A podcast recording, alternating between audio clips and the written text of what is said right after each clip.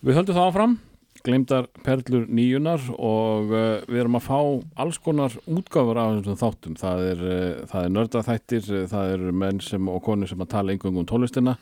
Svo eru sömi sem að segja eiginlega bara sögu en uh, aðalmálið er að finna þessar glemdu perlur nýjunar og spennandi að heyra hvað næsti viðmannandi hefur að segja því hann er þekktu fyrir að kafa svolítið ofan í saumanna Uh, mikill grúskari en er samt uh, verði að segja svolítið pop megin í lífinu.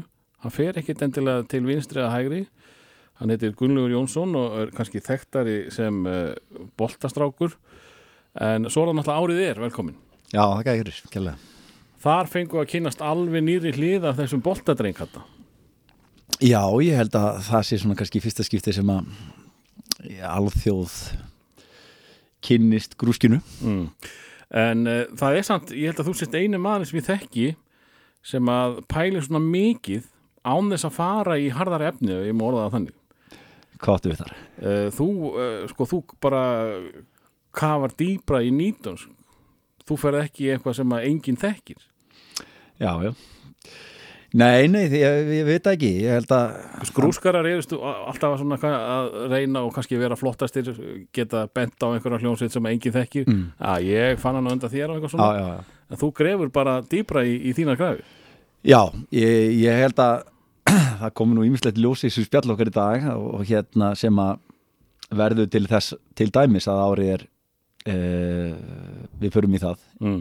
Sem var reyndar í skúfi hérna hrástu í fimm ár áður en það fekk brautagengi Nú var það svona lengi niðri? Já, já, ég gerði þátt sko á einmitt um nýtönsk hérna á Rástvöf eh, gaf Óli Palli mér hérna eh, leifi að, að, að gera fimm klukkutíma þætti um nýtönsk eh, sem er árið 2008 Árið er- árið er 2008 og hérna og þá, hélt, og, og þá var ég svona í miðri þetta er enda, enda mjög góð sagadóti að því að ég var þarna í bankageranum Já, og rá, ráði þar inn 2007 sko, Mm. MB-banka og hitti bankastjóran á herrakvöldi eða, eða þetta var ásóti herrakvöld eh, gróttu eða eitthvað svolítið áleika mm.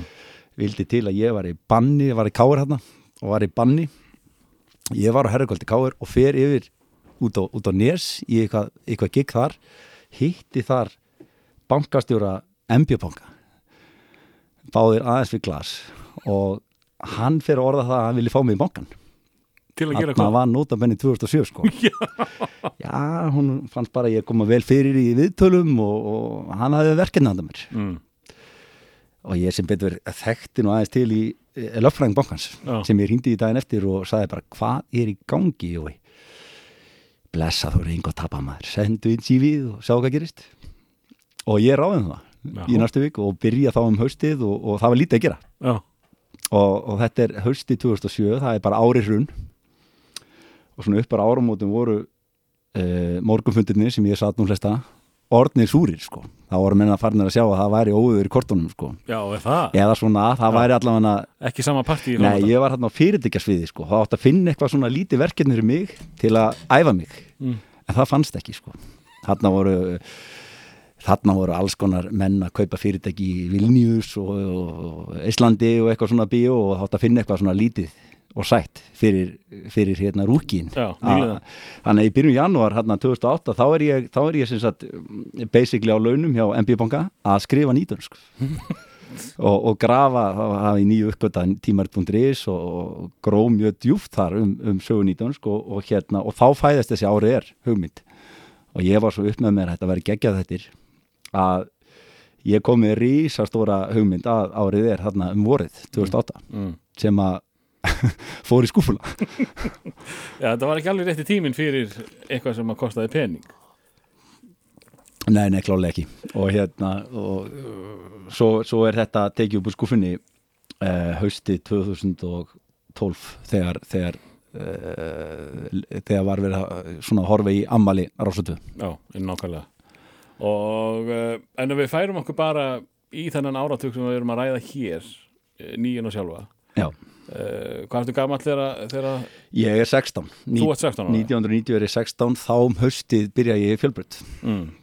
Og uh, það fylgja því ákveðna breytingar að fara úr grunnskóla yfir í uh, framhaldsskóla Já, klálega Sumari þar á milli er oft svona blöytar heldur en önnur sumur uh, kannski Já. ek- ekkit endilega veðurfræðilega en, en það er kannski erfiðara fyrir þig þar sem að þú varst á fullu í Já, já, við vorum aðeins farin að smakka það sko.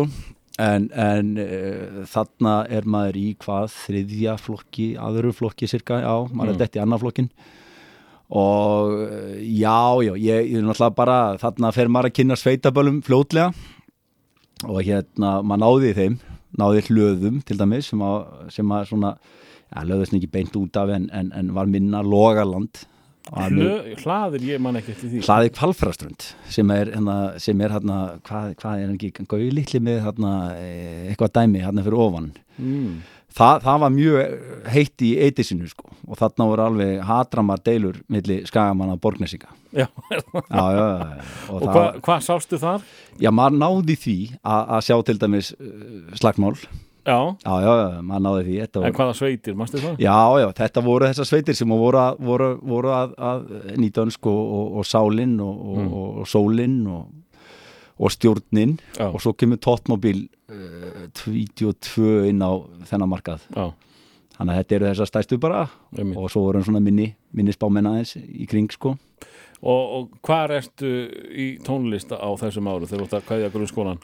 Já, þarna, ég held að sveimir þá 1990 sé ég s- þá er ég uppgöta þess að endur, það var endur útgefa þrúbrot og, og þursaflokkin og, og einhvern veginn þá bara gleipi ég við því sko Þannig að þú, þú gleipir þetta gamla uh, gullaldarstöf Já, hvar ertu áður en að það kemur? Ertu það bara þá, poppari? já, þá, neða, þá, er ég, þá er ég sko, það er svona þrjár sveitir svona sem að eru gegnum gangandi í grunnskólanum sko. það er U2 mm Uh, það er Underbroted Sky platan hann að live platan sem, að- sem að ég eignast einhvern veginn og, og, og ástóstri við YouTube -hmm.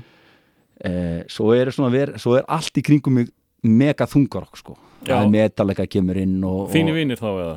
já, mínu vinnir sko Já. ég var svona ekki að kaupa beint en, en ég fílaði alveg stöfið sko svo er það hljónstinn Van Halen Já, það er sem sagt kemur frá Átnagut uh, markmanni sem að uh, við kynnumst 84-5 kemur hann frá bandaríkjunum sko. pappans hafði verið í, læknisnámi.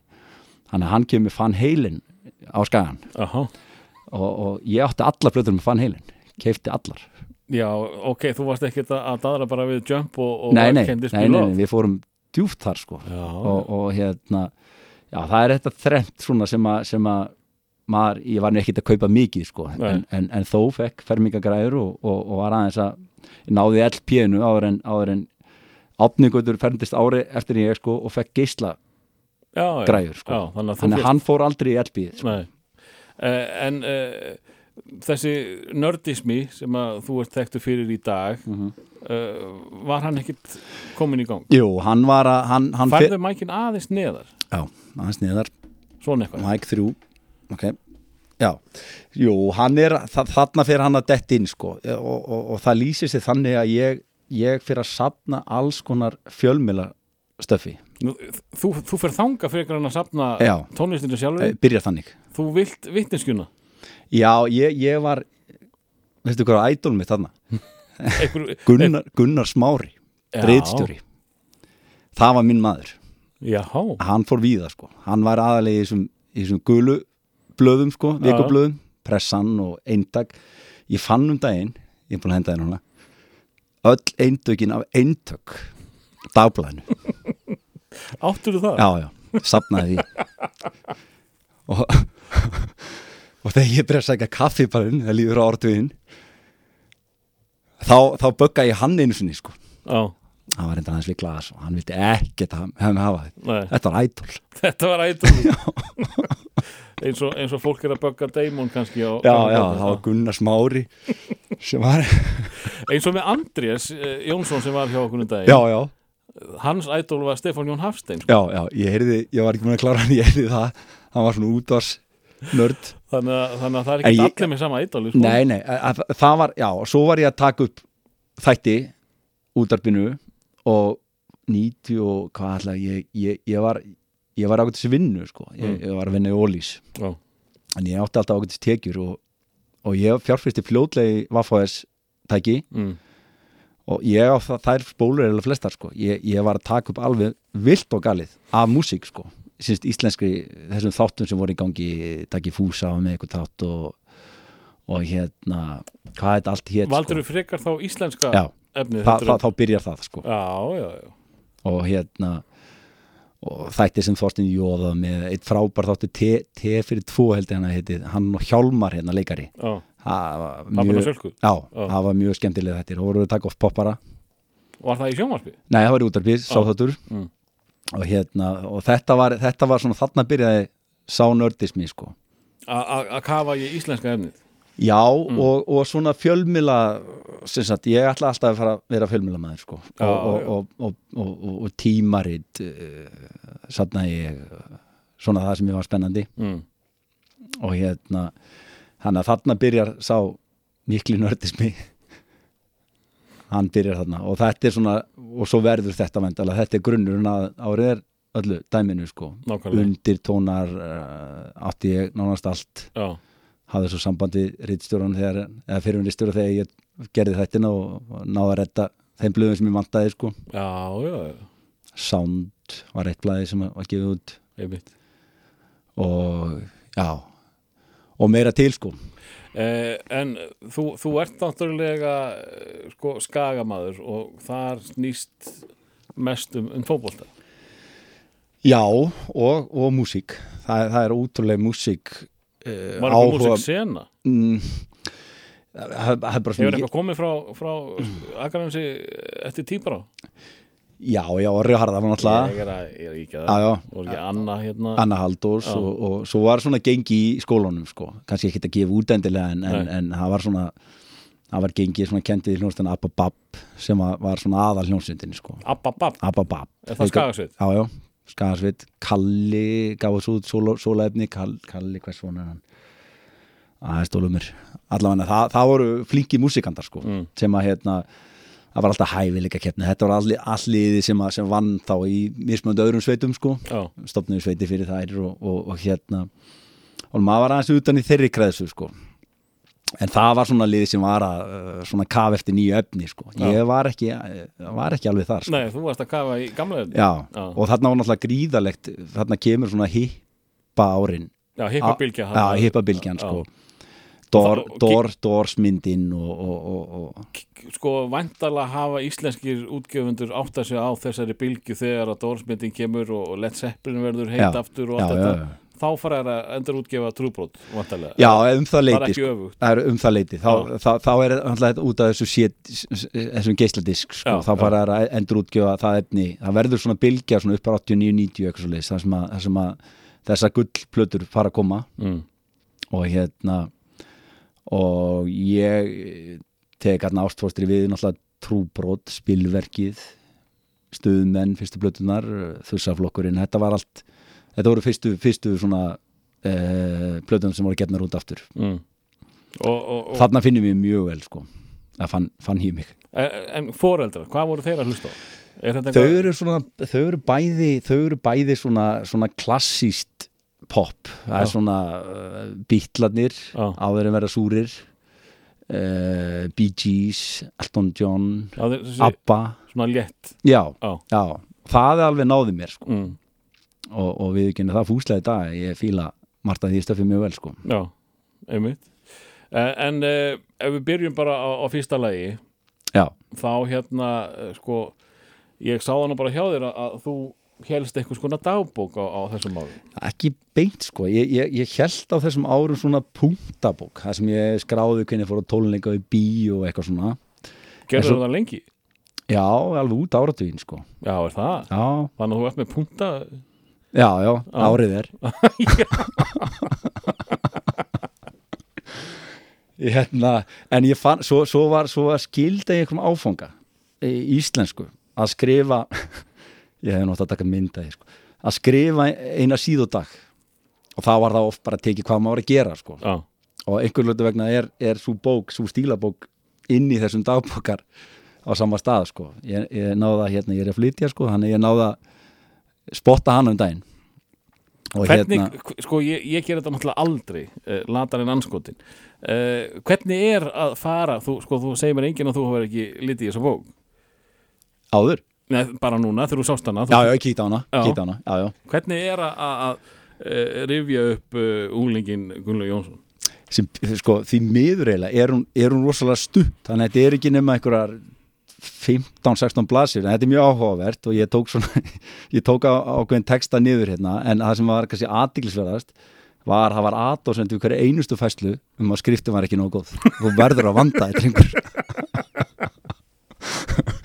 þannig að það var ekki verið að, það var ekki verið að liggja yfir þessu sko, Nei. og vanda sér sérstaklega sko. en ég ætla að vitna hérna í mánudaginn 22. janúar 1991 og þarna er ég ný orðin 16 ára. Já, Kæra dagbók, helgin var bara nokkuð ágætt. Á förstu daginn fórum við á skólaballið með hljónstinni Jötunuksonum. Hljónsveitin kom mér ótrúlega óvart. Þessi hljónsveit var skipunar óþægtum hljóðfæraleikurum og spilaði gott rock og roll, meðal hans Rolling Stones, Cult, Zeppelin, Cult og fleiri góði, góða. Á laugadaginn gerðum við tilraun. Hún fólst í því að reyna að komast inn á hótelið sem var vantilega verið 20 ára aldurstamark. Eh, við vinnirnir sem erum langt fyrir neðan lögaldur komistu inn en það var ekkert gaman. Sunnudagar fór í sjónvarp og lærdum sér að stera þannig að við gerðum hann tilrun ég er rétt rúmlega 16 og við hefum greinilega flóið inn hann sko. ég hefði nú viljað fá aðeins meira svona hvað var að gerast þarna en, en ég man ekki til því. En þetta var ekki gott gig segir hann ekki þetta, e, e, greinilega ekki þetta, þetta hótelgig sko. Nei. það var oft bara diskotek af henni ekki alltaf böl sko. en, en jötunugsanir grófi upp og ég man, ég þekki ekki þessum spilurum sko. ég Nei. veit ekki hvort að hvort að hérna, þú þekkir þá Rúnar Ört Friðriksson söngvari Guðmundur Gunnlaugsson trommuleikari Hlöðver Ellertsson bassalegari Jón Óskar Gíslason gítalegari og Jósef Sigursson hljómbásleikari þetta grófst þetta upp þá eða núna? Nei, nei, ég, það, það, það er einhver nörd á netinu sem er, er að setja inn í íslenska hljómsveitir sko. já, já, ok, nei, ég þekki ekki þessa Nei, menn príðismenn Já, þessu. örgulega, en þetta var gott, gott, gott bandinni minningunni. Já. Uh, þú talar um hótelið. Var, var það skemmtistaðurinn Já, já, það var gamla hóteli sem var hérna við fristúsið og er hérna byggingin er enn en, en það er ekki starfandi lengur sko. Mm. og þarna var, voru böllin sko. Bæði skólaböllin og, og, og, og þarna var ég, þarna var bara eina öldurhúsið. Já, var það? Á Akranesi.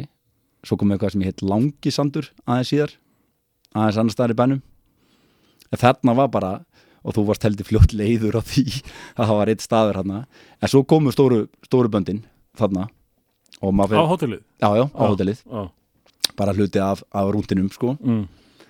og, og fljótlega greinlega eftir þetta þá fór maður að sækja þau böl þegar, maður, þegar maður komst inn, maður komst ekki alltaf inn sko. Nei, nákvæmlega. Uh, ég spilaði einhvern tíðan hérna, ég held að það verið kallað gamla kaupfélagið, getur það verið? Já, já, það, kom, það, það, það er enn, ennþá starfandi sko. Það, er, það er hérna, já, aðeins í, hérna innar í bænum. Mm.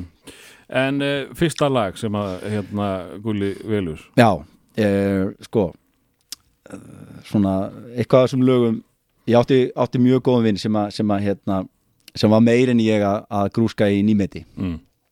Gunnar Hjörtur heitinn við, við mistum hann alltaf allt og snemma vegna, vegna hérna, veikinda. Mm.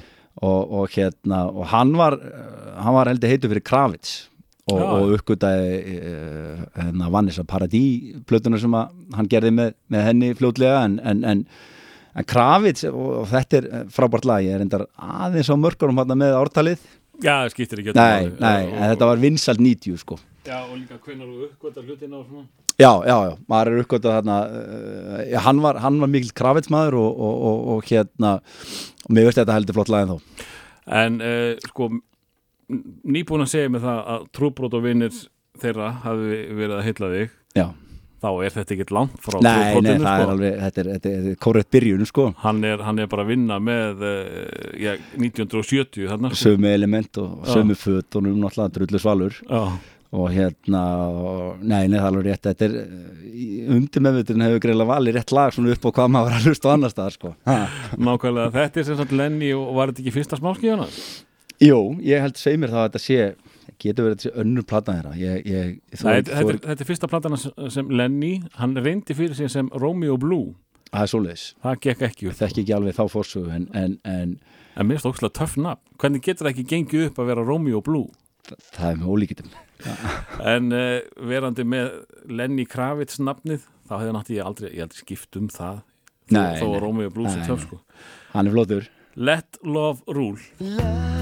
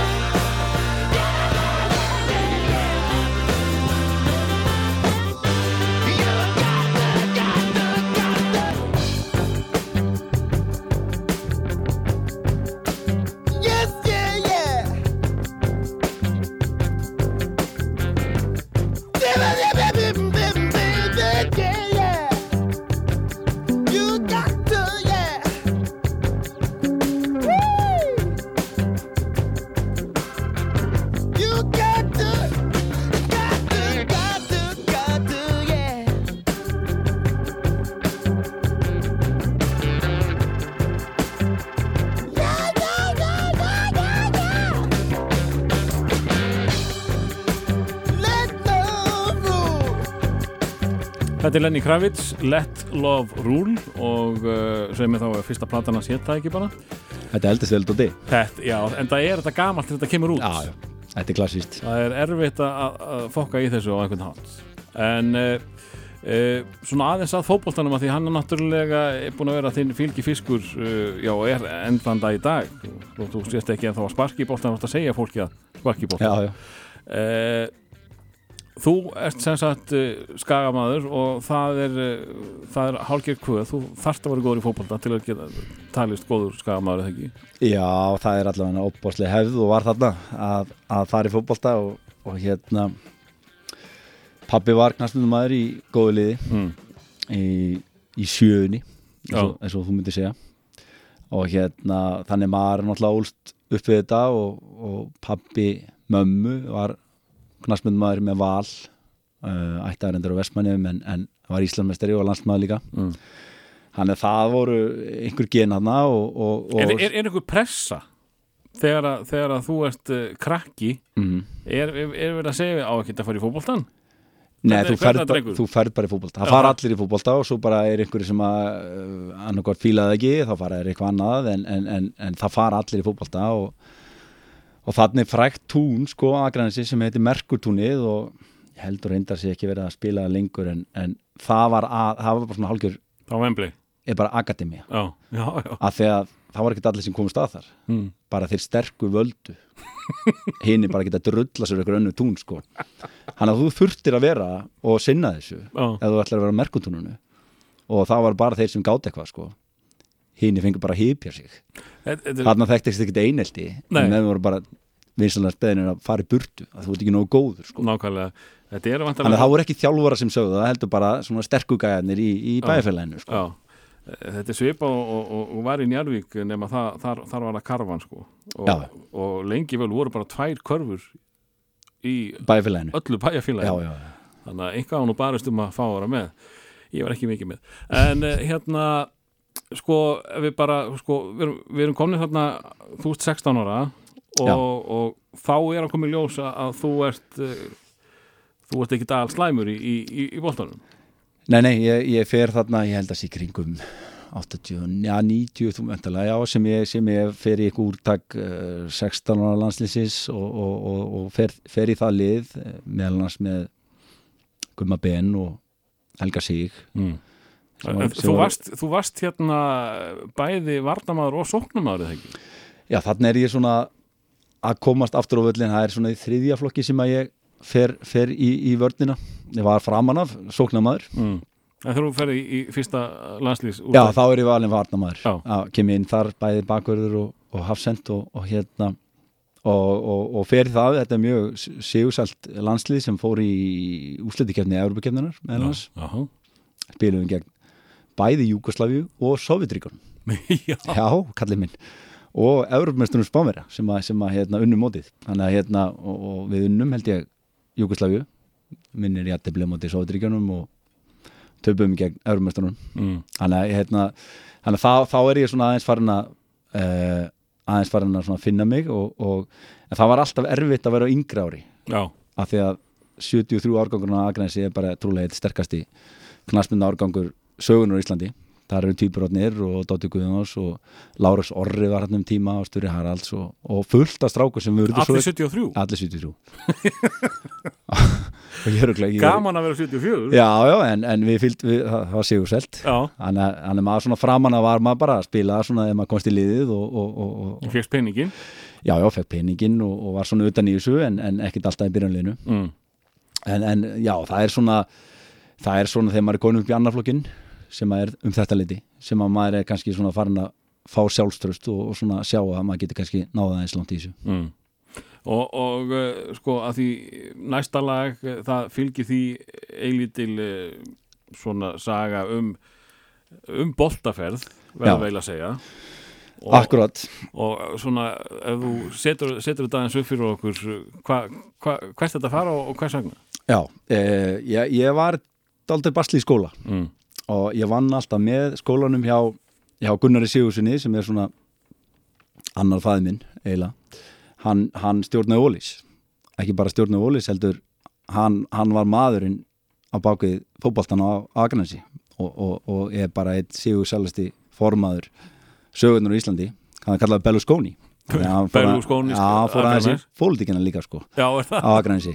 Þannig að hann átti, hann var hann að stjórnaði stóri fyrirtæki, stjórnaði klubnum og komin í pólitík. Já, ég vann í honum og, og, og þegar voru enga partí sem hann held eða, eða einhver fótboltapartí þá var ég alltaf þjóttn og svona þannig að, hérna, þannig að hann kemur þá hugmynd að senda mig út aðeins að kvíla skólan og, og það verður úr að, að hann hafði mikið sambönd í Aberdeen þegar, þegar Akranis spilaði Aberdeen í tvígang uh, í byrjun 800 ára þá Alice Ferguson framstöður þar já, og, og Gunnar er ótrúlega maður hann, hann er ekkert sérstakur í ennsku en einhvern veginn sendi hann og Alice Ferguson hvorum öðrum jólakort bara lengi vel, mörg, mörg ára eftir og, og Er hérna Alex Ferguson nokkuð góður í ennsku heldur? Ég skil hann ekki.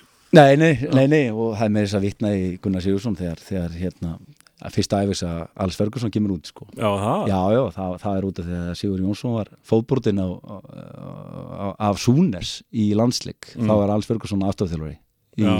landsliðinu sko. þannig að hann the crazy chairman of Akranis fútbólklöp kom, kom niður bara á allavega hjóla í Súnes sko. með að stjórnum skaga, skagaleysin sko. þannig að hérna, já, það verður úr og, og valið stendur um milli Aberdeen í Skotlandi Mm. og Manchester United að hann taldi mig geta sendt mig til Manchester United það það- það reyndi nú ekki á það en eftir að hyggja þá er það alveg svakalig mistök að hafa ekki farið í Manchester United vegna þess að þarna voru náttúrulega að koma upp Neville Bræður, Scholes, Beckham og hvað er heit allir sko á samaldri við sko Af hverju, sko, náð, fór það ekki lengra? Já, það var svona það var svona Þú tal- ert United maður í það? United heldur betur, byrjaði hérna og, og lifði mjög erfiða erfiða áttu í United stöðismanna trefinu Tengjum sko. við það, tengjum við það. E, það var ástæðan, stóra ástæðan bara að þetta var minni klúbur Já. og, og það er því að stað. já, já, ekki bara að koma að stað en svona bara er því svona betur utanumhald og, og, Já. og, og hérna ég fór hann til Mrs. og, og Mr. Sim sem voru svona landleiti og landlord Mm. og, og var ég á þeim í ég ætti voru næstum tveir mánuðir Já, og hérna og af því ég fann dagbókina dagbókapunktana, Mm. þá er þetta mikil vika hérna þegar ég fyrir út sko. Að þegar viku áður þá er Jethro Tull sem er eina af þessum hipparsveitum upp á skaga. komum på Skaga. Já, 50 ára líðveldis eða hvað heit þetta, bæfélag var 50 ára eitthvað svo það var ákveð að halda tvo, tvo stórtónleika. Black Sabbath og Jethro Tull. Þetta hann Siggi eða ekki? Jú, Siggi Sverris var, var hluta þessu einar skúla sem er allt í öllu í, í æskulismálunum hann á Akranesi, þeir fluttið inn og einhverju fleiri í kring sko og stórtöpuð á Black Sabbath en, en Jethro Tull fylgdi Já, í það. Íþrótahúsi á Vestugutu geggjaði tónleikar. Og svo helgin eftir þetta þá er þá, þá stendur í dagbókinni samkvæmiskliði ásins og Akranesi.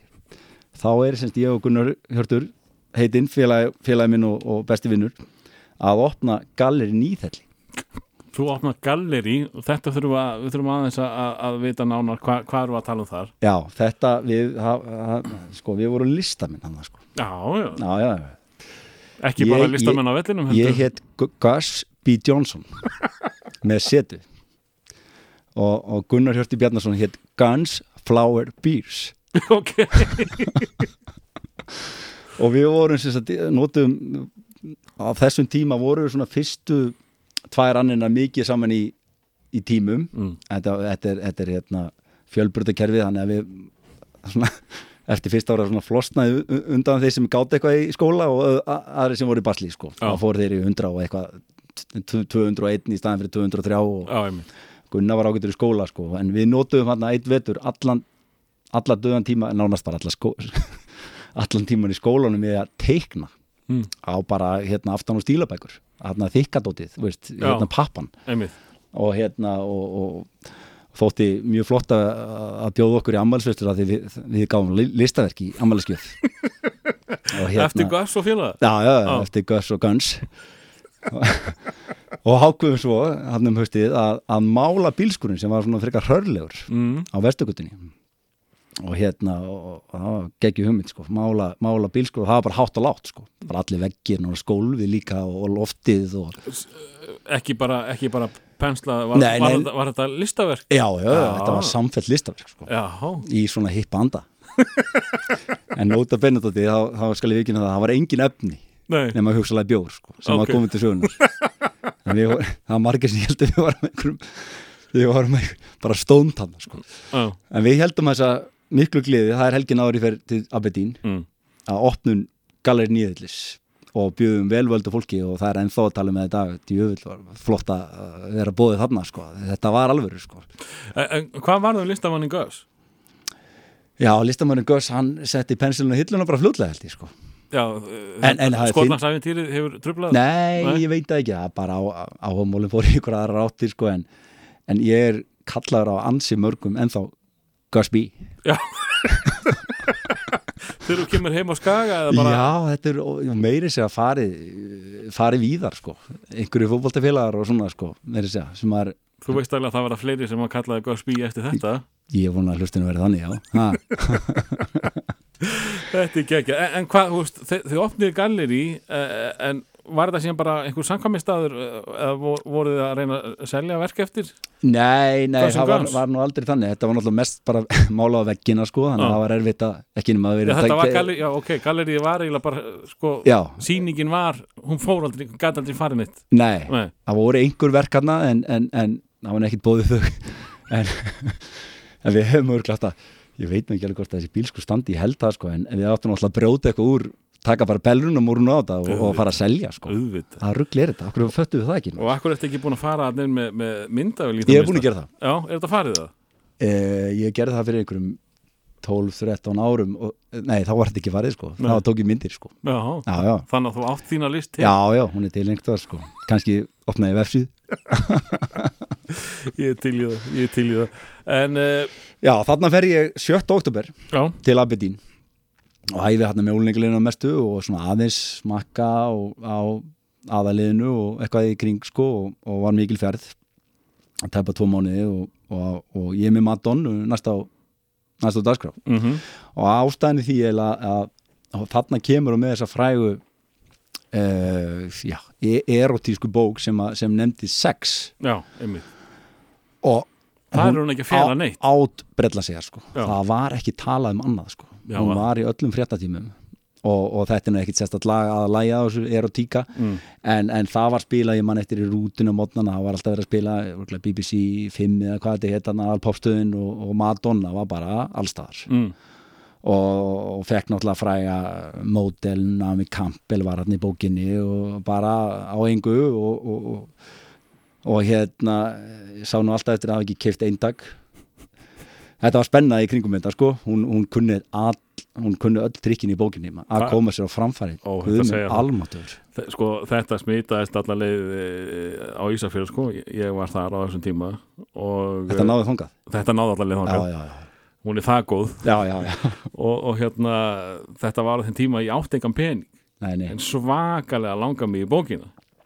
Og, og maður, var alveg, maður fór alveg heimsótt til eh, fólk sem átti bókina til, Já, já. til að skoða. uh, svona mánuði síðar þá var hún til á útsölu í, í bókabúðinni á, á 300 kallið eitthvað svo Já, já, og mér langaði ekkert í hana Nei, ég minnist þess að sko að ég náttúrulega hataði að fara í bókabúður eða þannig elskaði það, Mm. fara í bókabúður og, og það var einhvern veginn svona það var svona girt í kringum alveg bókastablan sko, eins og þú mættir helst ekki fara enn inn sko. Já, Þú veist, það. það var svona það var hluti af hluti af markasetningunni sko. Já, ég mun náttúrulega, sko, þegar maður er búin að skoða bókina þá er náttúrulega búin að sjá allt. Já, já, já, og þá þarf maður ekkit endilega að kaupa hana. Nei, nei. Þannig að, ég held hún að mókselta þeim já, já, elsku vinnur það var ekkert það net þarna sko. Nei. þetta myndi þetta fór ekkert á netið sko. já, en þetta var samt, sko, það sem ég man það var þetta fallibók, þetta var ekkit Nei, nei, þetta var alveg sko. Það var ekki Mik- nasty. Nei, nei, nei, hún er alltaf snillingur sko. Hún, hún, hún lagði mikið í, leiðotið og alla Mm. hönnun og, og ljósmyndarinn Þannig að þetta var Já, en eitt snildar múið hjá henni held ég. En lagið er svo sem ekkert sérstakt í, en þetta er gleynd perla, Gunnlaugur og það er það sem við erum að leita Já, eftir akkurat hér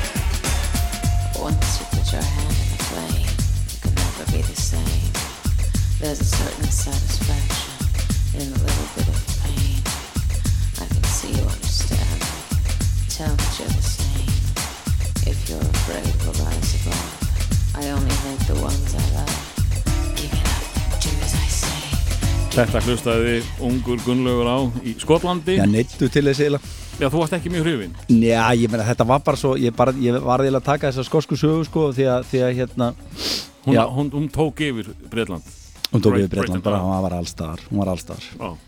og það var ekkit í fyrsta og eina skipti og Nei. ekki í síðasta heldur Nei, akkurat eh, Áfram höldum við og uh, þú komst inn að það í upphafi að þú hefði verið uh, já, mikið fyrir eh, íslenska dótið, endur útgáfuna en það var, í, það bjóði þér rockundur Já, já, ég fekk, fekk, fekk ágætis uppeldi hérna á Akranesi, það var allt út í þungarokki. Bara uh, Halloween og, hvað þetta allt hétt sko. Er það ekki pínu uh, Sigurði Sverris að kenna? Hann var hérna útdagsmaður Já, já, og, hann var með þungaroksætti ykkar maður í já. það var öllu merkilegur heldur en í dag. Ekki spurning. Ég er ekki að fá nógu mikið af sko fallegum bríðum frá Njarvík uh, Nei, um að nei, að nei, nei Siggi var, var, var, var náttúrulega með skagablaðið og, og þar var ég aðeins svona grálköttur, fekk að, að mæta á kvöldin og fylgjast með og, og, og hlusta á þungarokk og, og hann var að gera plut, eða svona sabdis, sab, kassettur með fyrir mig sko. Já, með þessu hippa dóti öllu júru hýp og eitthvað svona dóti sko þannig að maður, maður já já, það var smá rokk undir í manni. Erum við að tala um enneitt fæðinu þá? Já já, hennið fæðurinn og hérna eh, já já, ekki spurning svona á fjölmila En- og, en- og, og rokk og rokk vegum Varstu svona varstu svona mikið fjölmjöla nörd? já, Þa, það sko tónlistin er kannski ekki endilega nummer 1 og 15 það er, það er fjölmiðlin allur já, Jaha. já, já Já, já, svo, en svo klálega þegar maður var að sapna þessu dóti eins og sagði á en þá var það rosalega mikið kringum íslenska músík mm. Þannig að ég var svona farin að leita að stöfi Mm í kringum þetta og, og fekk náttúrulega alveg æðiskastiðni ég byrja hérna að rúfa að finna efni fyrir, fyrir eh, árið er hvað var lítið geimt sko. Það er við skulum ekki fara á það brautir dótið, ég var svo reyður sko. Já, náttúrulega poppið, það var ekki nóg merkilegt það var tekið yfir það. Já, já, eh, Ég fekk að vísu æðiskast líka hér en jákvætt vegna þess að ég fekk að vera hérna eina nætuvakt með Þorgeri Ástvalds og, og einhverjum vigni og fekk að vaða í já. því, það er bara himnaríki sko. já ég trúi því himnar í allt til sem maður, maður bara vissi, vissi um en uh, af hverju erum við að fara í þessa rockout Já, þetta er eina af þessum sveitum sem að, sem að Gunnar Hörtur eh, vinnu minn hérna pekaði upp ansi fljótlega, um trúlega bara ný komin til landsins er Rage Against the Machine mm. þarna ég tengdi við þetta band. Þetta var algjörlega geggja band sko. Og, og þeir heldur tónleika, ég heldur bara árið síðar kom bara mjög feskir Mm og við vorum, nei, við vorum ekki alveg mikið að spá í það nema átningutur var bóðið Já, og hérna bróður hans Jói er aðeins eldri og, og, og var komin inn í Reykjavík og aðalmaðurinn komið kannski þau eftir. Og hann var með miðan á dotna já. en Ari Legnir lánaði hann ekki brónkaðun hann treystur hann ekki hann er átni hvernig mistar Hann komst ekki? Nei, nei, hann komst ekki. Það er sko, hérna, eina ástafanu fyrir því hef ég heyrt að, að, að Reits komi hinga var svo að þeir sáu að platan fór á toppin hérna. Já, fyrsta skipti í heiminum. Ísland var fyrsta landið já, og svo sagði hann mér að hann Sölvi Blöndal sem fór á tónleikana mm. Kvarasi að hérna, hann hefði skammað sér svo mikið fyrir að vera íslendingur þegar hann var á tónleikunum þegar Saktel og Rokka byrjaði að predika millilega, þá heyrðist bara spila hana, fuck you, don't do it, tell me! Killing in the name! Það er ekki alveg það sem að sakkarinn vildi Nei, heyra, svo var líka talsitt fyllir í þessum tónleikum sko. Mikið fyllir maður var alveg bleka þeirra mætti Já. til leik sko. En þetta er eh, kannski ekki eitt af stóru lögunu þeirra en þetta er samt af þessari fyrstu plötu. Þetta er stórkvæmst lag. Heitir Bomb Track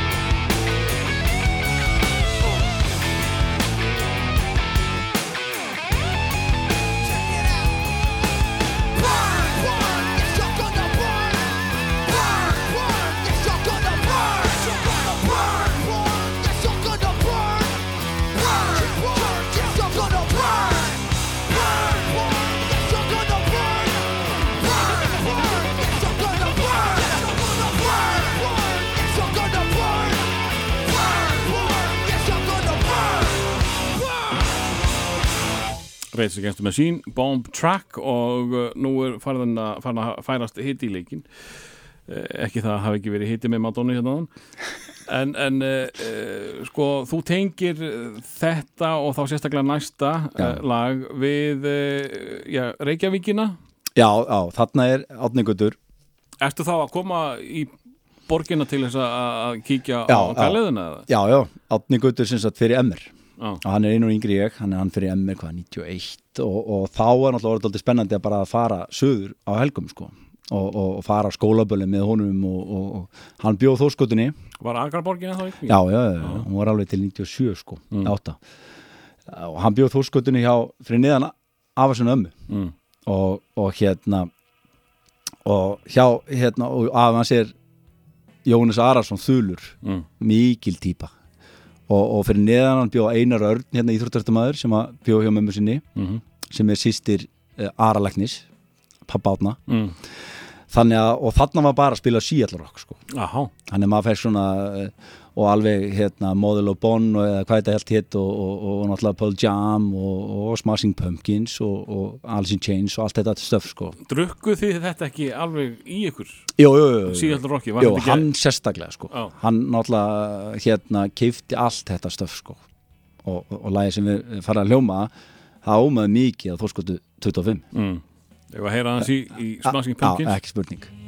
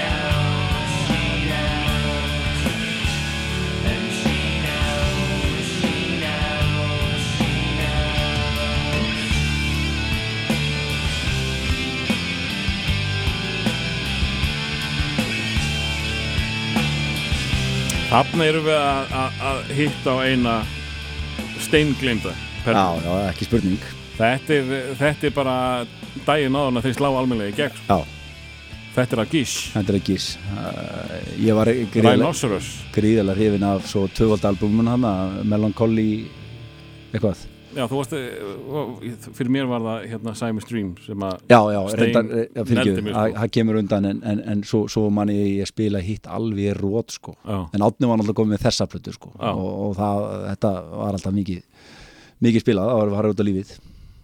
Þetta er gott líflag. Já, ekki spurning að- lifna Eh, En uh, sko, þú ert komin í, í, í borgina og Já, svona, anna, svona annað fótinn sko. Þarna svona fram að 96 að þá er ég svona koma helgum mm. og fara á þessi böll, Vestló og, og MR og, Og hver, var, var, var það vel séð á þínu heimili að þú var þú, þú ert nú ekki gamall þetta mm, já þó, ég maður er svona 93, 4, 19, 20 sko. Já, þú komin svona, já, ok. Já, já, maður er 16 eða 90 Mhm. gengur ekki að já, já, já, já, maður var komið með lefið það sko. Já, og hérna, og gisti hjá Átnagaut á Þórskutunni og hérna, kynntist enda stel bjóðan það bara einn eða? uh, já, hann, já, hann var hann var einhver íbúð sem, að, sem að einhver ættingi átt allt húsi sko, mm. þessist afinn eða, eða þau, þau voru hann að nánast hverja hæð og hann legði þessa íbúð Þannig að þið gáttuð alltaf já, já, krassa þarna þarna var partíin maður. Þarna var bara tímaður og hérna og svo er á hann eldri bróðir sem er 70 mótili sem var, var bara aðal spaðin í bænum sko, Jó Ara. Og var bara, þegar kaffi bara opnaði þá bara var hann vertinn sko. Hann var vertinn. Já, svona nokkurn veginn, stjórnaði því í þeim vöktum og svona og, þannig að við vorum fram fyrir röð sko. Nei, ekki okkar vellegum heldur Jó, Ara, þekktu réttu mennina sko. og þarna fekk maður alltaf bara aðal staðin í æði sko. þetta var svalasti staðurinn á, svæðinu það ekki spurning sko. og, og, og hvaða lið var þarna? þetta bara Baltasar og, og allt það gengi og, og Deiman kemur endur aðeins setna til leiks og það var bara allt heitasta gengið Já, og bara í listum uh, Já, íþróttum, já, já, uh, tónlist eða, fjölmjölum og, Já. og Gunnar Smári Já Hvað tók það margar heimsóknir á kaffiberna að þó, þóra vaði í hann? það var aðeins þegar leið á þennan áratug sko. Það var ekki alveg þegar maður var hann kjúklingurinn og valla með aldur sko. mm, en oftar en ekki þá stjórnaði Jó Ara líka tónlistinni sko. og það eru tvö lög sérstaklega í minningunni sem voru bara aðal lögin bara kortir í þrjú sko. mm. það er uh, það er blurlæð There's No Other Way og Beastie Boys Sabotage við fyrir þangað uh, Sko, ég held ég hafi einu sinni farað að inn Já, en uh, eftir því sem ég best veit þá er þetta sko svona uh, mikið til danstónlist fyrir lengra komna þarna var þarna var það meiri bara svona partistaður í, Já, upphafi? í, í minningunni já. já, pottið til að svona byrjun kvöls voru svona aðeins sértakar í sötnuður að, að spila músík sko. mm, en þarna var bara, þarna var dansað på borðum sko. já í lokin var, sko. var allt orðið Já, þá, erum menn tilbúinir í sabotage ah, ekki spurning sko.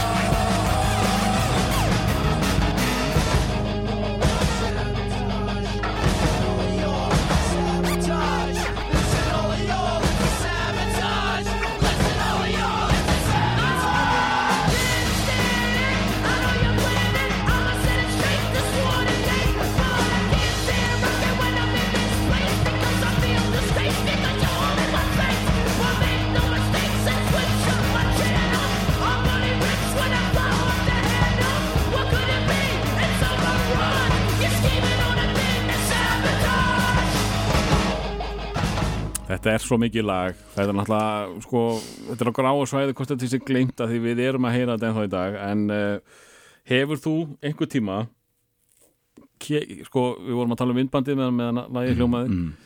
tekið svona bílahopp eins og þegar að gefa ég hef gert það sko Já, á gamla pusjónum mínum.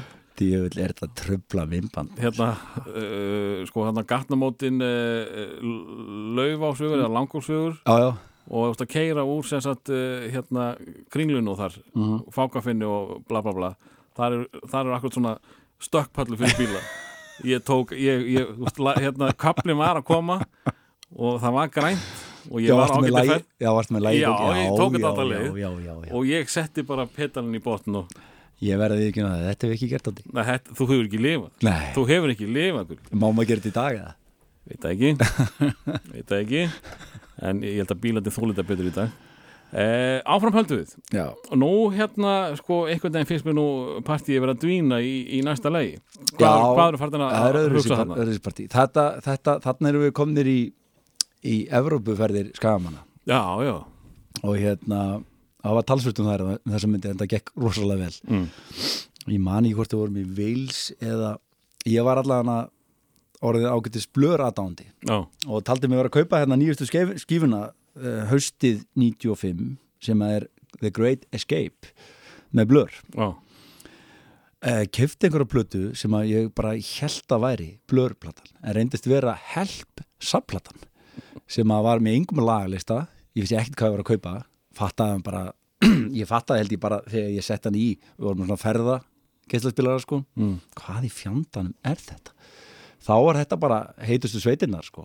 Að eitthvað svona hjálpar dæmi Já. gefi út styrtar einhverju, ég, einhverju dæmi sko. ég held að það veri stríðsáttökin Já, jú, passar. Já. og þannig bara Radiohead og Portishead og Oasis og Stone Roses og Stereo MC og Paul Weller með McCartney og Gallagher og bara rosa flott skífa sko. Var ekki, var ekki hann hérna Johnny Depp með í, á Ísisleginu passar, passar. Og hérna og svona svona exclusive eh, upptökur sko nema hvað að, að þannig er eitthvað lag sem hefur svo bara lifað uh, sérstaklega þegar ég fór í háskólan síðan mér að þá, þá fór ég að sanga af mér mikið af þessu CD-dóti inn, á- inn á tölfur og, og, og fá einhverja lagabanka og einhverjum, einhverjum hörðundiskum og, og, og háskólanámiðdóti það fór í það að finna ártöl já, og, og, og, og plötu um slögg og réttar upplýsingar. Já, mikið til. Þannig ég heiti hann að dýrmöndu tíma í Háskóla, Háskóla Íslands. Ég finna þetta hann var neti komið og svona sko þannig Já. að maður, maður gætt notað háskólanetið. Já, og þá uppgötu ég að, að sveit áttu þetta lag ekki, ekki þetta lag sko. Mm. það er hérna Elvis Costello.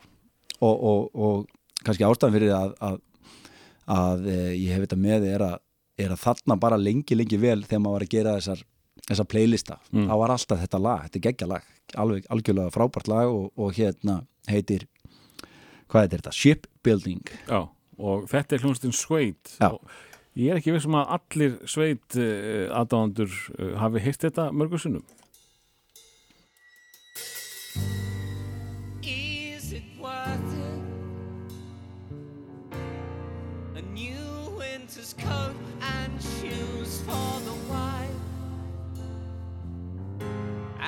bicycle on the boy's birthday.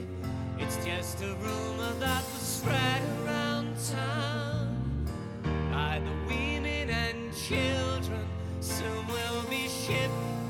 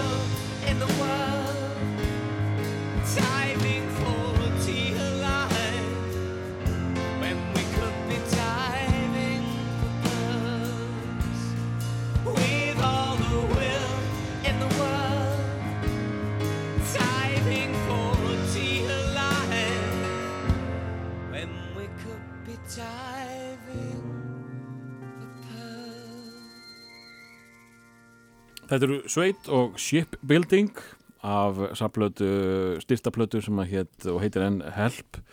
Eh, Varst þú mikið í Britpopinu?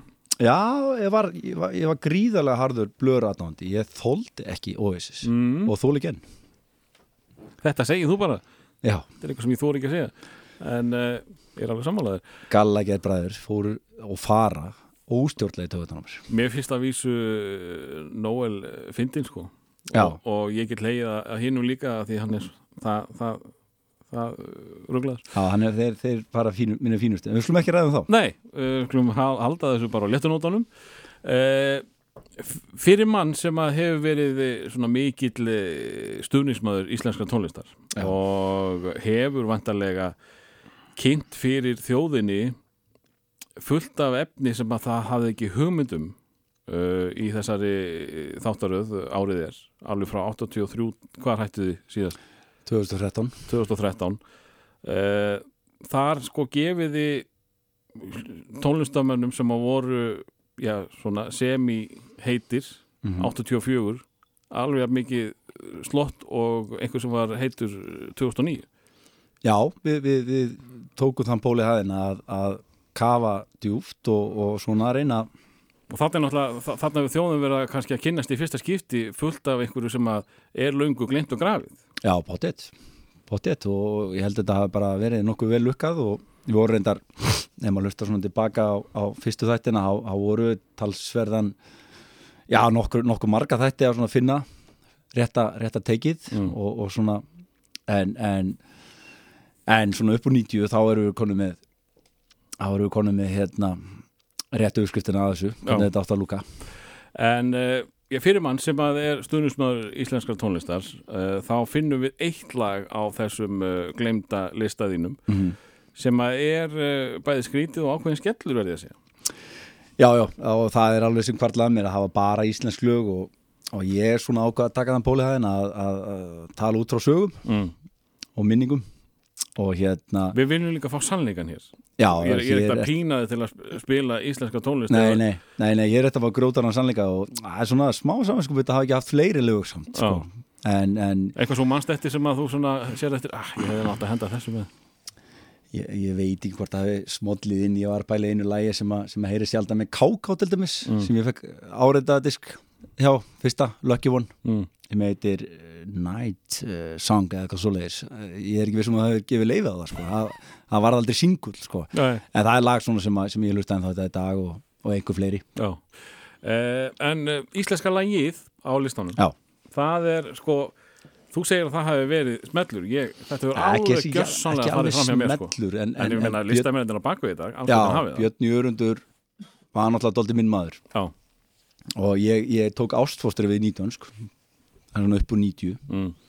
89-90 og það er miklu ástfóstri að þeir tóku eftir þessu band meðlimir já, og á, einu, held að það hefur verið skólaballi í Borgarnesi sem var haldið, haldið þar e, það, með ljóstin 19 sko, þá kom Jón Ólafs sérstaklega til okkur Gunnarsjartar títnendan og báðu okkur að skrifa um hljómsveitina í leggskrána við Gauragang að þeir við vorum svo miklu aðdándur já, það, Já, já, það hefur einhvað kýtla litla hérta á betur, sínu. það, var gríðalegt Já, og hérna, og við gerðum það og, og hérna og skal ég þið segja fengum held ég bara miða og frumsýninguna á læti sko. Mhm.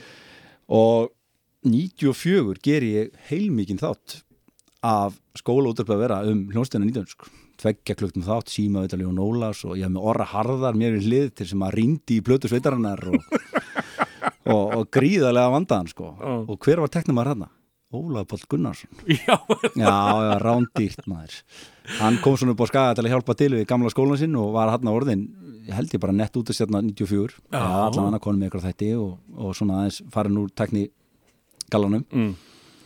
Þannig ég ákvaða svona að hafa smá tengingu við nýtönsk hafa lag sem Björn Jörgur flyttur með Ef ég má aðeins fyrirgjöðu af, að- af því að hann kemur hérna og er greinilega með þá skóla útarpið að einhverju leiti mm, mm, já, ú- útar blómið Ég nefnilega var fenginn til þess að vera með skóla útarpið á Ísafyrði Já, uh, ég nefnilega ég skipaði þann ég, ég, ég var sko fréttarittari lausurásarinnar sem að var ungleika þáttur á rástöðu uh, á Súðavík. Já, já, já. Það var engin fréttamaður neins að annars það bara fréttamaður á Sú- Súðavík.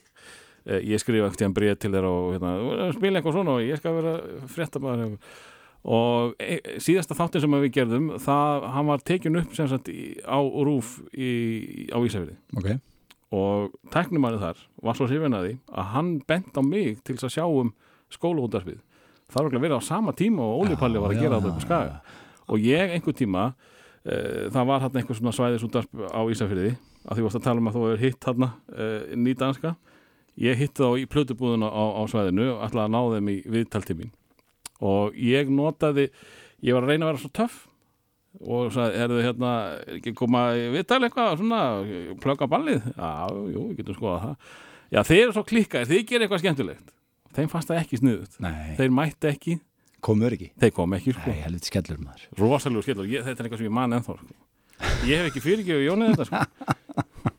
Það er fyrirgefið þú ætlaðir að hérna kynna næsta Já, lag ég, þetta er kannski lag sem að var, var nú að já, ég allan í minningunni að var, var tala sem spilað sko Mm. og mér finnst þetta flott lag, Björn Jörgur var aðeins að gera lög með öðrum listamönnum og svona og, og hérna en þarna er, eh, þarna er sönguna sem var nýkomin fram á sjónasviðið með honum, Mm. Emiliana Torini og Er þetta fyrir spún eða? Nei, þetta er eftir spún Mm. uh, spúni 94 held ég 5, já og hún er búin að vera í hárinu og búin að gefa út allavega eina eða tvær Já, ok blötu með, með Jóni mm. Jón Úls gerði með henni blötur og ég, ég get alveg ekki það ég elskaði Emilion Torini Mm. Hver gerir það ekki? nei, hver gerir það ekki maður og, og sæt Ekki bara frábær sænguna, nei, hún var rosa sæt líka sæt sko. og hún já. er æðislega persóna já, já, já, já, já, og þarna var hún alltaf orðin stórstjarn á Íslandi. Mm. Trúlega nýbúin að kíkja með Guðs Guðs og allt að gerast og svona farin að huga að brottur Já, já.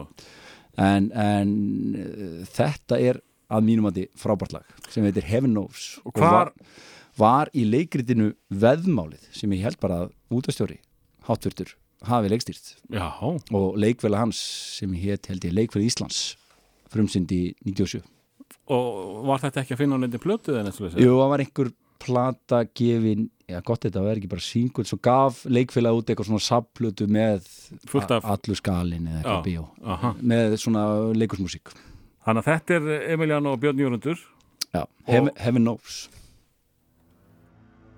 In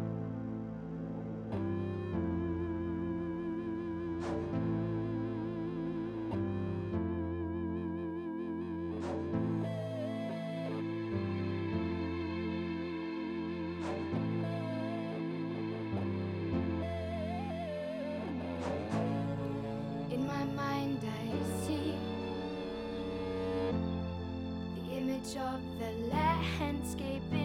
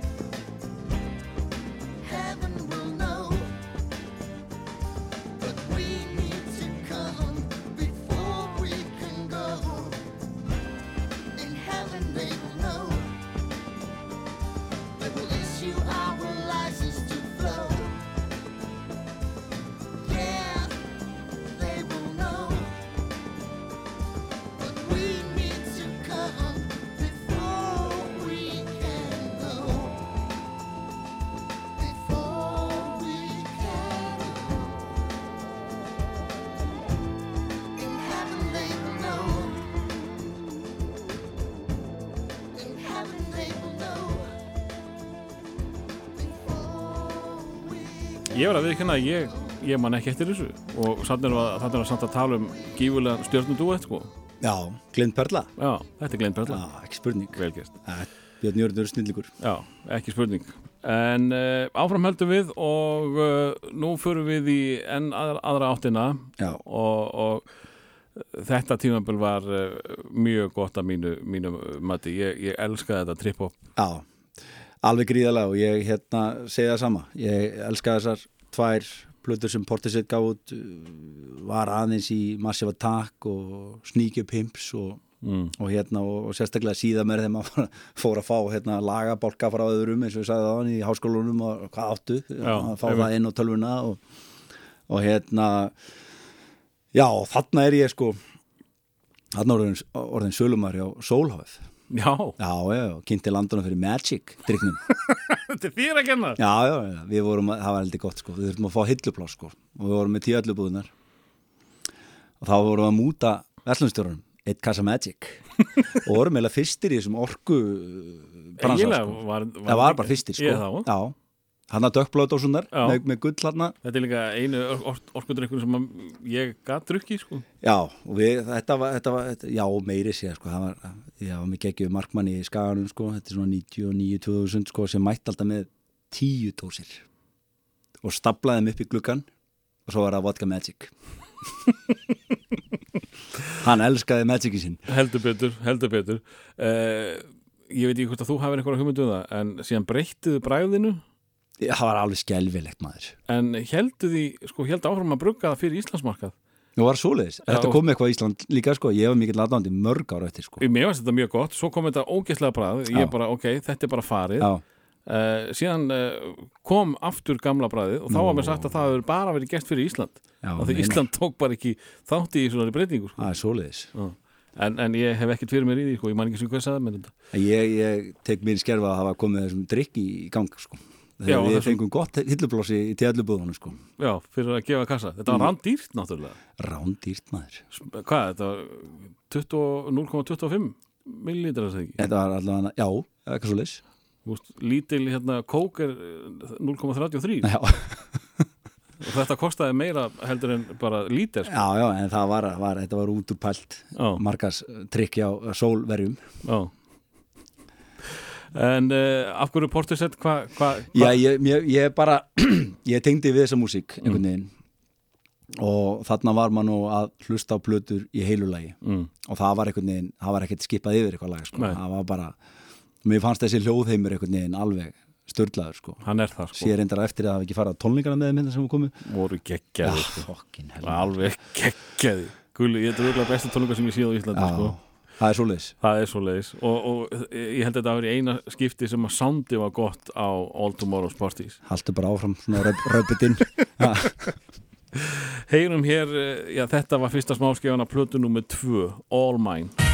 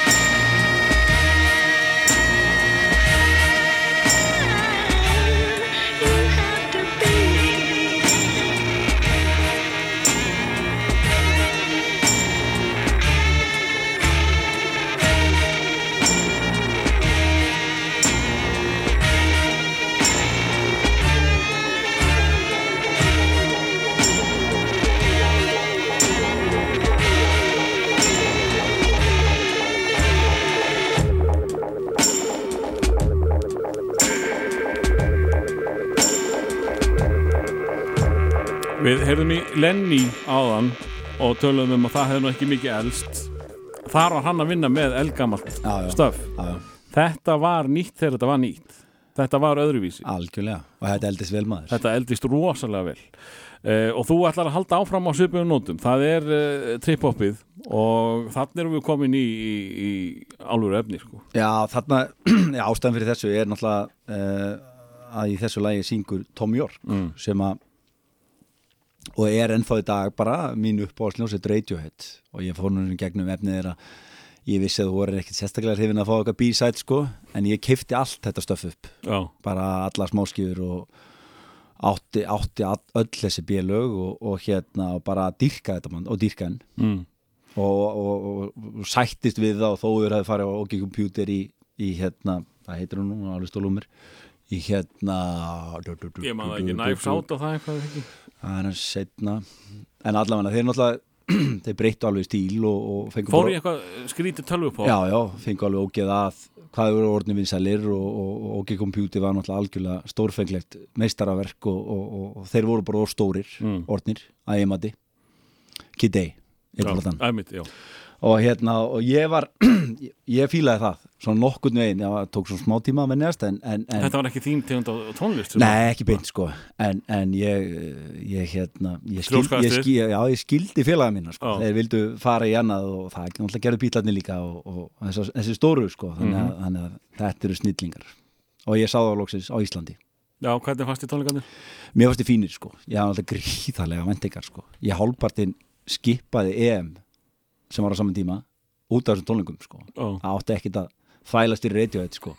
Svo reynda fór ég á EM-leik En, en sko, var þetta samt ekki sko, voru þetta ekki tónleikar fyrir hardcore Jú, radiohead Jó, og þú þurftir að vera vel lesin í, í bandinu Já, sko þú voru ekkit endilega að henda út öllum singlónu sínum nei, og, nei, eð- eð- spiluðu samt uh, talsvert, talsvert mikið af, af, af svona þekktara efni af bands og, og, og, og, og ekki komputer sko.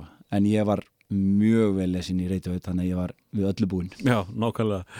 Uh, En þú ferði í uh, Tom York sem uh, gesta söngvara í já, var þetta ekki tví ekki þarna Ankul Já, og þetta, þetta var sko, þessi plata kom sko upp úr þurru bara lendi á borðinni hjá manni með einhverjum sem að engin þekkti þá. Nei, nei. og með fullt af frábærum svona gesta Mm Það var hérna líka hann eh, uh, Richard Já, Ashcroft já, uh, einhverjur úr, úr hérna Beastie Boys og já, það var fullt af sko, frábærum gestum í öllum lögun já Þeir eru að greinlega verið virtir þessi náungar Angul, Já, an, Gæðirnir. annar gaurinn á, á einhverja blötu útgáfi sem bara ekki hvað heitir. Já. Ég, ég, ég kefti náttúrulega þessa plötu bara út á Tom York þessu Já, lægi sko. já, já, já, ekki spurning, ég stóð með mínu manni. Og hérna, ég ætla ekki að ljúga því að ég hafi uh, kynst uh, Radiohead fyrir band sko, það var band sem kom mér á bragðið. Reyndar hafði Ababab skólanústinn, Já, spilað hérna þeirra, þeirra aðal hitt hérna hún var að bjarga mér. Á fyrstu plötunni, hérna Creep? Já, já, Mm. spila krýp sko. Með sprengjum og læti sko. Þá heyrði ég krýp fyrst skipti sko. Já. bara á einhverju skóla hljónlingum sko. Og hérna þetta er náttúrulega alveg sturla bandóti maður, Radiohead. Þegar að, sko, ég mann ennþá þegar ég heyrði Creep fyrst. Já, það var, sko, það var opinbjörun Súðvögg Nei, það var í Norðurtangunum á Ísafrið Það er Ísafjörði Já, ég var að, semst, að vinna í móttökunni með svona, hvað heitir það aftur? Pel peltor uh, útarp í Já, já. headphone. Já, já, og, heyrnatól svona. Heyrnartól, já. já, og Rás 2 í gangi og Rás 2 var ekkit endilega að spila mikið af skemmtilegu tónlist. Nei. dettur ekki í þetta fína lag svona einhver, einhver svona ballaða. Svo kemur gogong, gogong! Ég bara, vá, hvað er að gera sko? Það, veist, þessi, þessi, þessi högg fyrir viðlagið já, já. er örugglega bara með í flottari sem ég heilt ever sko. Reyndar, þá voru hann ekkert svaglega mörg önnulög á þessari plötu fyrstu sko en, en, en þetta er náttúrulega rosalegur hittari maður. Já, eh, ég var að vísu mjög hrifin af Thinking About You Já, svo, svo, svo, svo tók maður nokkuð lög síðan mér þegar maður fór að velta þessu meira fyrir sér sko. Já. en þarna var bara, var bara krýp það var bara krýp en svo Benz kemur svo alveg gríðarlega Já, hún er sterk alveg frá aðtilu sko. alveg sko. frá aðtilu og þá gæt maður að spila alla blöðuna sko. Nákvæmlega, nákvæmlega. En uh, þú ákvæmst að fara ekki í Radiohead vegna þess að það eru mjög fá lög sem að frá þessum áratug sem að kom út á smáskjöfu sem að eru glemt það er mikið ennþá verið að spila þetta er ennþá verið að spila þetta sko. já, þetta og, lifir. Já, þannig ég ákvaði að grafa þess og, og fá hérna frenduðina í, í, í angul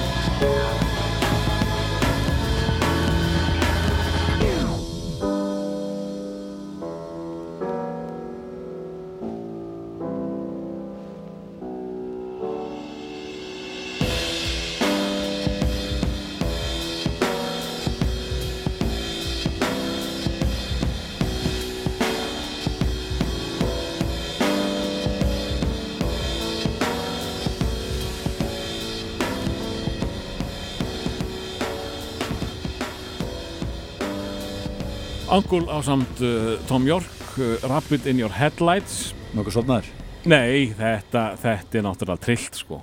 Ekkert annað en trillt. Uh, eins og ég saði þér hérna meðan að lagi hljómaði mér finnst það bara svo merkilegt. Uh, Albert Finnbóðsson sem að er í uh, Grísalappa Lísu og mikill pródúsir var tæknumar hér á, á Rástvö í, í mörg ár. Hann uh, bendi mér á það að hann hafi fundið uh, hljómsveitina Talk Talk í gegnum Angul sem er svolítið magnað uh, Talk Talk er 80 sveit Já. og uh, uh, hann fann það vegna þess að- Mark Hollis söngvari spilað á piano í einhverju lagi þannig að hann er hann tekur ekki nördi lengri en þú sko. Hann var í kreditlistunum aðeins Hann var- hann var í kreditlistanum. Að grafa. Hann fór að grafa alla sem að koma eitthvað nála þessu. Mér varst það mjög merkilegt. Ég er að fíla það. Uh, en svona heilt yfir þessi áratugur uh, tónlistarlega príðilegur uh, þarna, þarna fáum við náttúrulega rockbylgju. Mhm.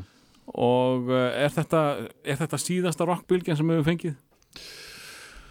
stefnir allt í það einhvern veginn En hvað veit maður? Er ekki Já, til þessa, Já, já Getum við ekki sagt það? Gæti ekki verið fellibilur handa við hotnið það hlýtur að vera fólk hlýtur að fá nóga tölvudótinu endalaust Já, ég eina sem er sko, þannig að svo erfitt eh, eins og fyrir þessa hippa-bara hérna heima Mhm.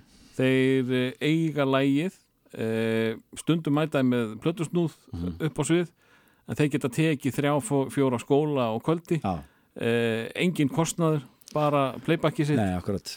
Jú, þetta er náttúrulega miklu, allt miklu auðveldara og allar upptökur auðveldari og, og, og svona.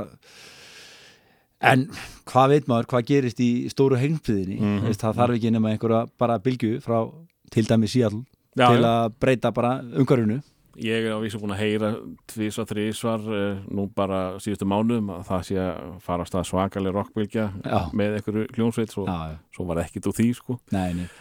En verðum við ekki að vona það samt að það komi Já, við þurfum þetta- fleiri liti. Já, já, við þurfum fleiri liti sko. En þetta var mjög litri, litri ártur Já, og þetta náttúrulega sko tók danspoppið við og, og danstónlist var bara að sjást í, í efstu sætum vinsendalista uh, sem átti bara heima á Algjörlega þar, og þá er ég ekki að tala um danspoppi sem, sem að var svona gelisneitt Nei, nei. uh, klúbapopp Trip-hopið. uh, og trippopið og það var fullt af svona Hiphopið var náttúrulega komast upp á já, þarna, upp úr í- gjallaranum já, sko. í loka áratugarins þá er það eiginlega að verða stærsta stefnan sko, Rappið rappið já. Já, og er, erið og bjöð já. kom full stertarna fyrir minn smekk Þetta er, li- þetta er litríkur uh, áratugur og kennir ímis að grasa. Britpopið náttúrulega En það heyri ég það náttúrulega á viðmælandi þínum að, að fólk verið ímis áttir.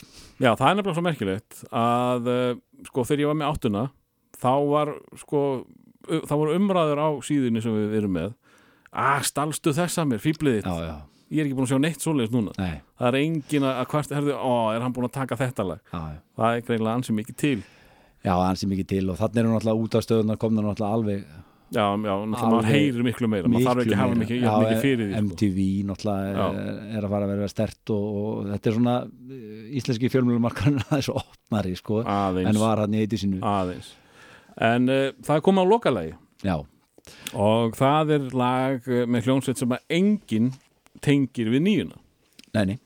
Þarna erst þú eiginlega bara að koma pínlítið aftan á okkur vegna þess að ég hef bara ekki hugmyndum að þeir hafa gefið út á þessu, Já, þessum áratug og ég er nokkuð vissum miða við reysa stærðina á þessu bandi ég er ekki vissum að margir hafi hýrt þeirra fyrsta smáskju nei. Nákvæmlega. sem er löglega því hún fór inn á lista ekki dofalega í nei. en hún sást þar, Spilaði með Bellatrix. Spilaði með Bellatrix.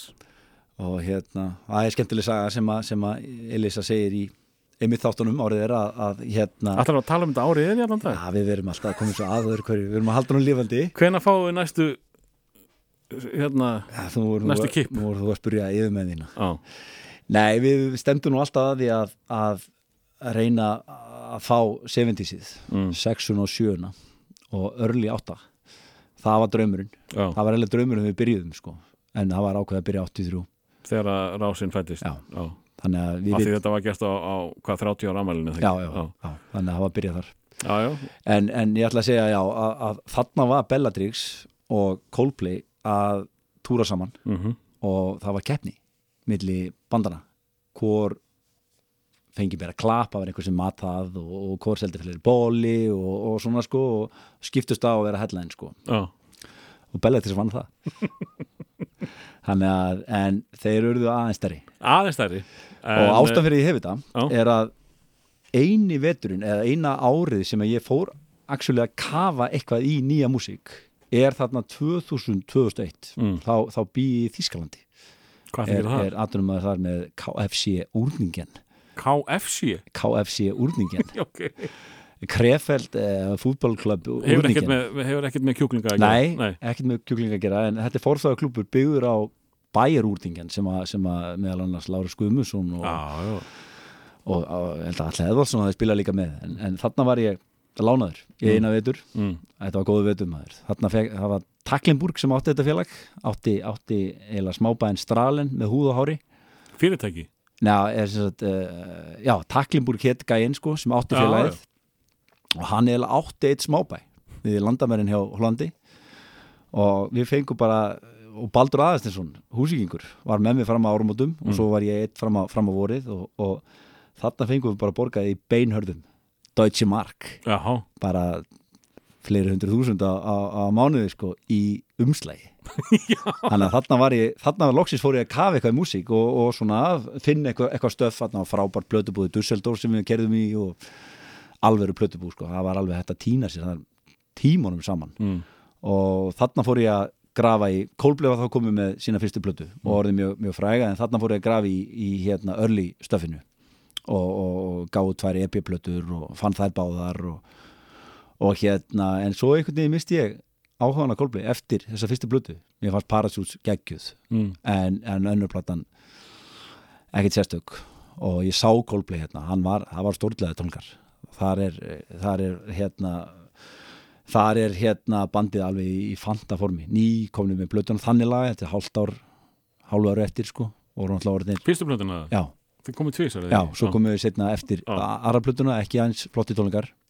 Fórstu þá líka? Já, já, og hérna en þetta er áhugavert að þetta þeir eru dóltið svona back to basic sko, svona í loka áratöðunins Mm. eru bara í svona hálfgerðu country poppi þannig laga sko, Mhm. svona, smá britt árum en, en þannig erum við ekkert með neina svakalega dansáhrif eða reykjautur alltaf. að fara í dans, dansáttina og, og þannig eru þeir svona, já, bara svona back to basic hljónsveit sko En áður með förðangað uh, ég er nú bara að henda þess á því kannski fullt seint en, en uh, einhverjar tónleika upplifanir, nei, hérna, upplifanir sem að þú vannst eftir frá þessum áratu Já, uh, sko kríðarlega s- ég var brjálar að hafa mista bái Þa, það, þar var ég búin að vinna heimaðununa hvað heit hún? Outside eitthvað, pl- platan? Jú, eitthvað svona uh, en og, og ég vissi, veit ekki marga sem að voru ánað með þá tónleika. Nei, Það þar bara var ég undirbúin sko. Já, það var ég búin að hlusta blötuna aðtilu og vissi nokkurn veginn einhvers þar náði ég því að, að þeir væri svona nokkurn veginn bara spila bara,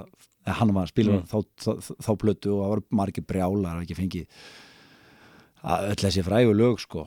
Og það datt á byggalegur skælendi einhvers þar austur á fjörðum og varst að, varst að spila á sama tíma? já, Æ, hættu nú. Afleið brjálar gerði sama árið eftir, Sting.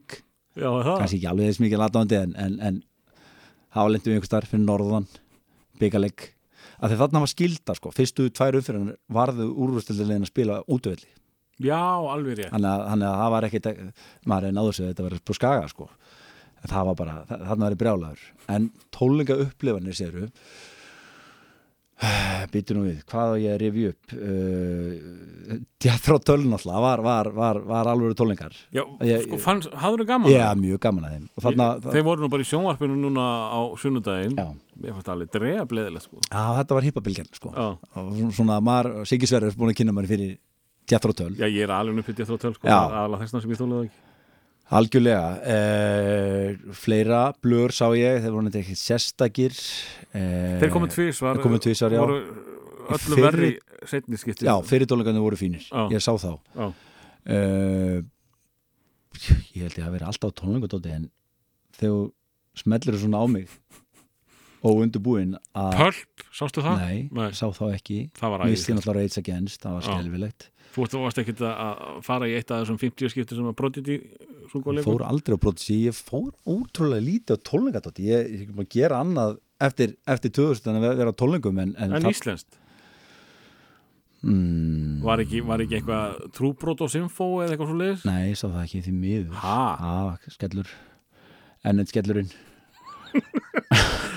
Við erum að loka, loka þessu endalusum skellum Já, já, en, en þú veist að ég þarf að undurbúa mig og þetta kemur full óvænt þessi spurning Það verður viðauki í podcastinu. Já, Þú voru að bjóða mér í, í tólninga upplifuna Já, það er eitthvað sem við gerum Það er Þa, það, það, Þú voru að gera það. Já. Það er Það Þá er- verður verður að lofa mér, að bjóða mér þú sko. Eh, uh, Endum þetta á lægi með Coldplay Brothers and Sisters. Já, og uh, ég nefnilega held alltaf að Yellow væri fyrsta lægi þeirra já nei, þeir, þeir áttu ykkur svona örli, örli stöf, þau voru koma sér á framfæri Mm. Eh, Þeir hérna Þeir gefu út fyrstu uh, epiplutana sjálfur Safety, heit hún, Mm. 98 En þarna eru þeir kominir á eitthvað aðeins Harra Leibul mm. og svo var bara Paralafón Hvorki meirinni minna sem gefur út gefur út hérna Já. sem er náttúrulega reytið leibulið og, og bílana og ég veit ekki hvað og hvað Gunnlaugur Jónsson, takk kærlega fyrir uh, skemmtilega sögur og flotta tónlist og ég er mjög ánað með þetta val í lokin vegna þess að hljómsveitin varð síðan svo rosalega stór og það er svo margi sem hafa ekki hugmyndum um þetta lag. Takk kærlega fyrir. ekki málið